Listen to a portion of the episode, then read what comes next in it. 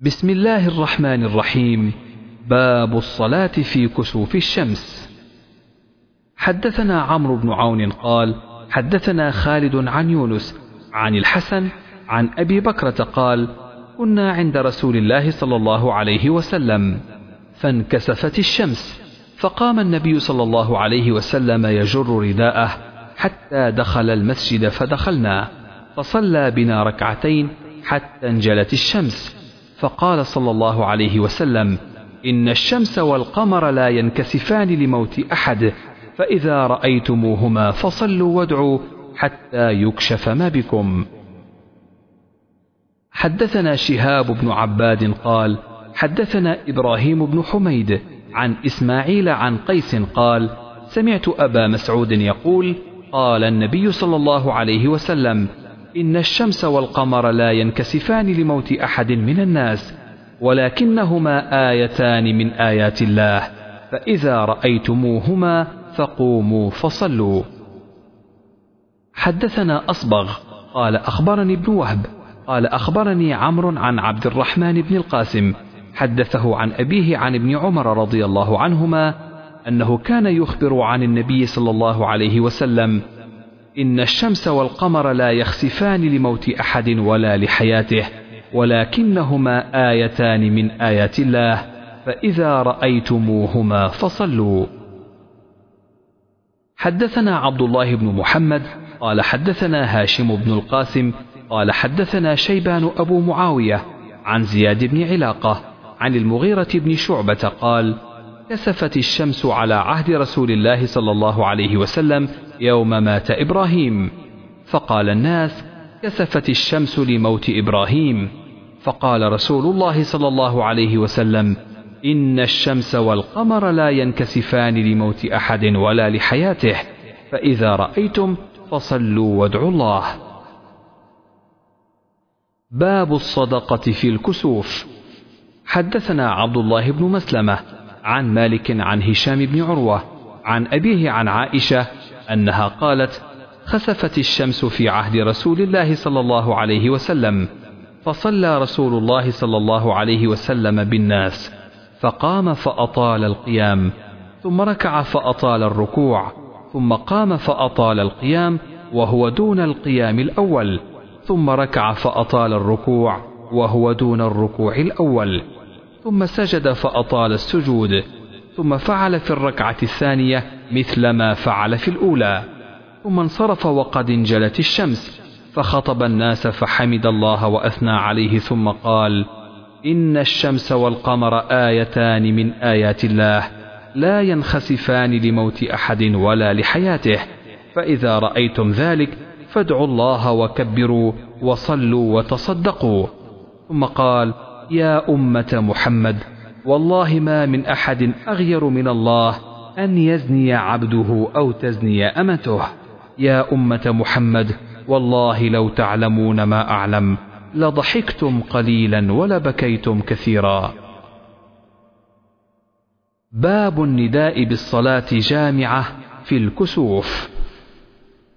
حدثنا إسحاق قال أخبرنا يحيى بن صالح قال حدثنا معاوية بن سلام بن أبي سلام الحبشي الدمشقي قال حدثنا يحيى بن أبي كثير قال أخبرني أبو سلمة بن عبد الرحمن بن عوف الزهري عن عبد الله بن عمرو رضي الله عنهما قال لما كسفت الشمس على عهد رسول الله صلى الله عليه وسلم نودي إن الصلاة جامعة.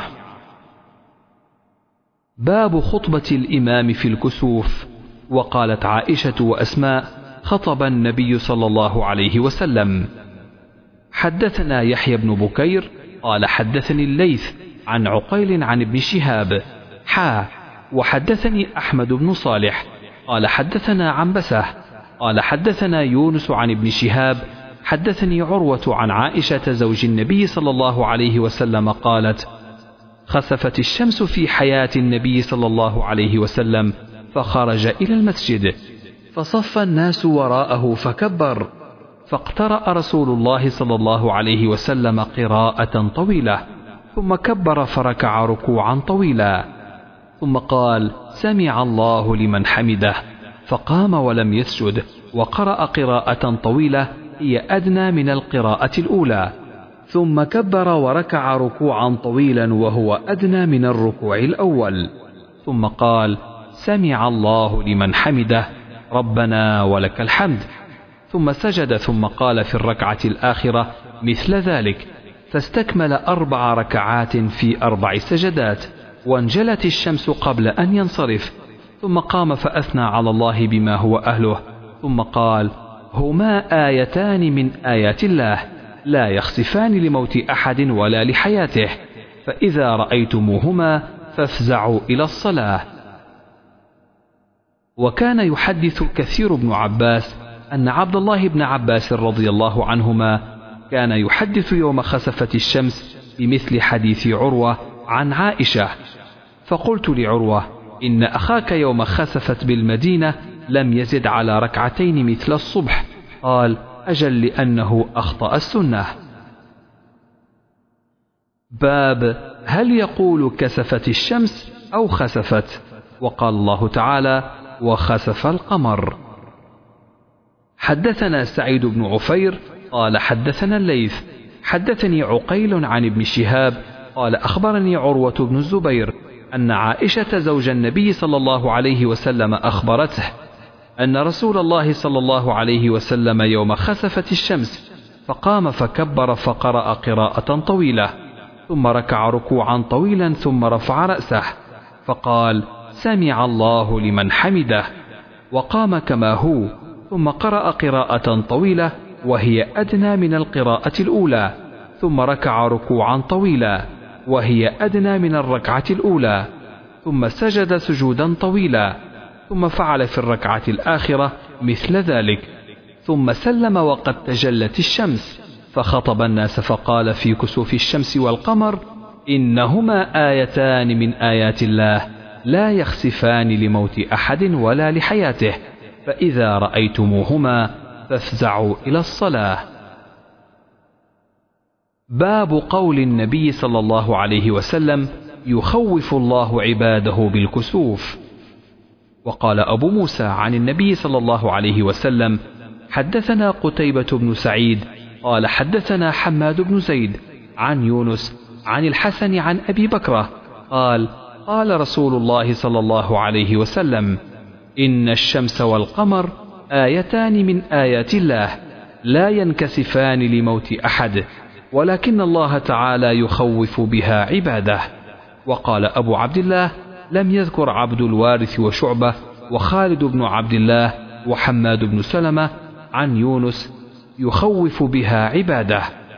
وتابعه موسى عن مبارك عن الحسن قال أخبرني أبو بكرة عن النبي صلى الله عليه وسلم إن الله تعالى يخوف بهما عباده وتابعه أشعث عن الحسن.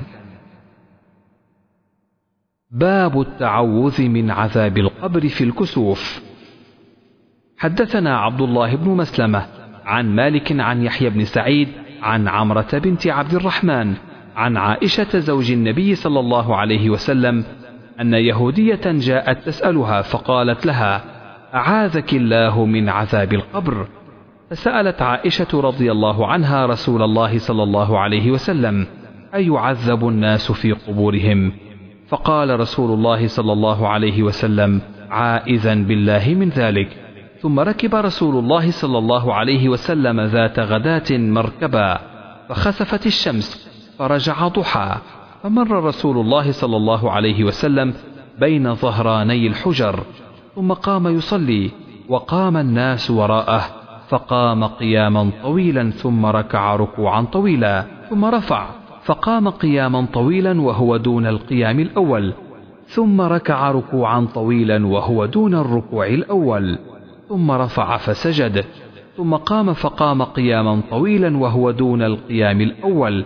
ثم ركع ركوعا طويلا وهو دون الركوع الثاني ثم قام قياما طويلا وهو دون القيام الأول ثم ركع ركوعا طويلا وهو دون الركوع الأول ثم رفع فسجد وانصرف فقال ما شاء الله أن يقول ثم أمرهم أن يتعوذوا من عذاب القبر. باب طول السجود في الكسوف. حدثنا أبو نعيم قال حدثنا شيبان عن يحيى عن أبي سلمة عن عبد الله بن عمرو أنه قال لما كسفت الشمس على عهد رسول الله صلى الله عليه وسلم نودي إن الصلاة جامعة. فركع النبي صلى الله عليه وسلم ركعتين في سجدة ثم قام فركع ركعتين في سجدة ثم جلس ثم جلي عن الشمس. قال وقالت عائشة رضي الله عنها ما سجدت سجودا قط كان أطول منها. باب صلاة الكسوف جماعة. وصلى ابن عباس لهم في صفة زمزم وجمع علي بن عبد الله بن عباس وصلى ابن عمر.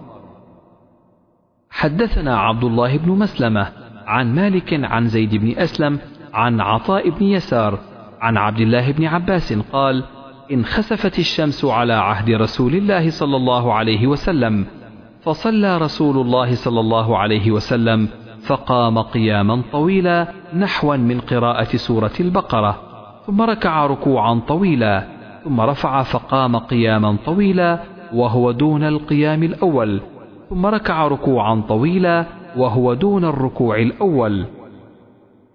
ثم سجد ثم قام قياما طويلا وهو دون القيام الأول ثم ركع ركوعا طويلا وهو دون الركوع الأول. ثم رفع فقام قياما طويلا وهو دون القيام الأول ثم ركع ركوعا طويلا وهو دون الركوع الأول ثم سجد ثم انصرف وقد تجلت الشمس فقال صلى الله عليه وسلم إن الشمس والقمر آيتان من آيات الله لا يخسفان لموت أحد ولا لحياته فإذا رأيتم ذلك فاذكروا الله. قالوا يا رسول الله رأيناك تناولت شيئا في مقامك ثم رأيناك كعكعت. قال صلى الله عليه وسلم إني رأيت الجنة فتناولت عنقودا ولو أصبته لأكلتم منه ما بقيت الدنيا وأريت النار فلم أر منظرا كاليوم قط أفظع. ورأيت أكثر أهلها النساء. قالوا بما يا رسول الله؟ قال بكفرهن. قيل يكفرن بالله؟ قال يكفرن العشير. ويكفرن الإحسان. لو أحسنت إلى إحداهن الدهر كله ثم رأت منك شيئا قالت ما رأيت منك خيرا قط. باب صلاة النساء مع الرجال في الكسوف.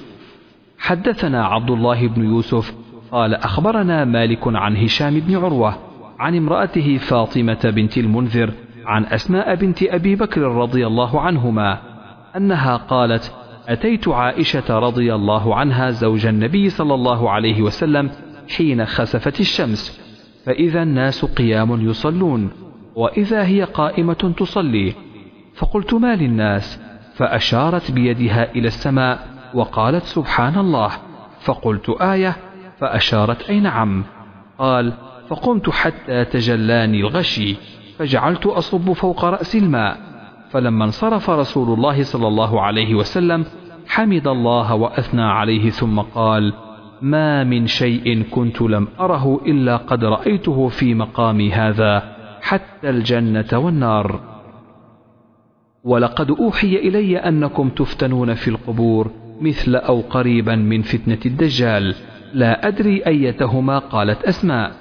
يؤتى أحدكم فيقال له ما علمك بهذا الرجل؟ فأما المؤمن أو الموقن لا أدري أي ذلك قالت أسماء فيقول محمد رسول الله صلى الله عليه وسلم جاءنا بالبينات والهدى فأجبنا وآمنا واتبعنا.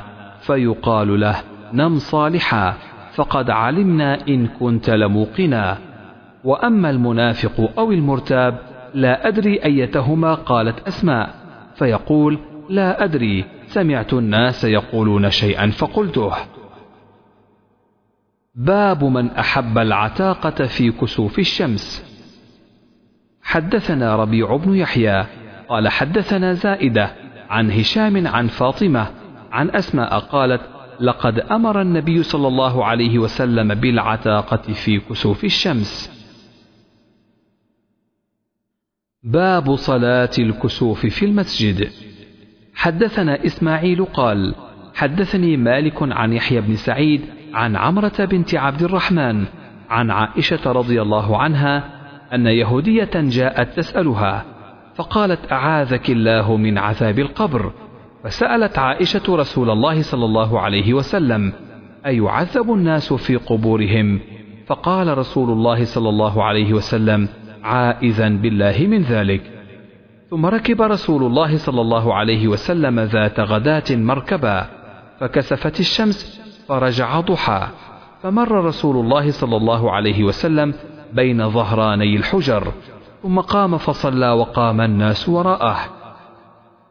فقام قياما طويلا ثم ركع ركوعا طويلا ثم رفع فقام قياما طويلا وهو دون القيام الأول ثم ركع ركوعا طويلا وهو دون الركوع الأول. ثم رفع فسجد سجودا طويلا ثم قام فقام قياما طويلا وهو دون القيام الأول ثم ركع ركوعا طويلا وهو دون الركوع الأول ثم قام قياما طويلا وهو دون القيام الأول ثم ركع ركوعا طويلا وهو دون الركوع الأول ثم سجد وهو دون السجود الأول ثم انصرف.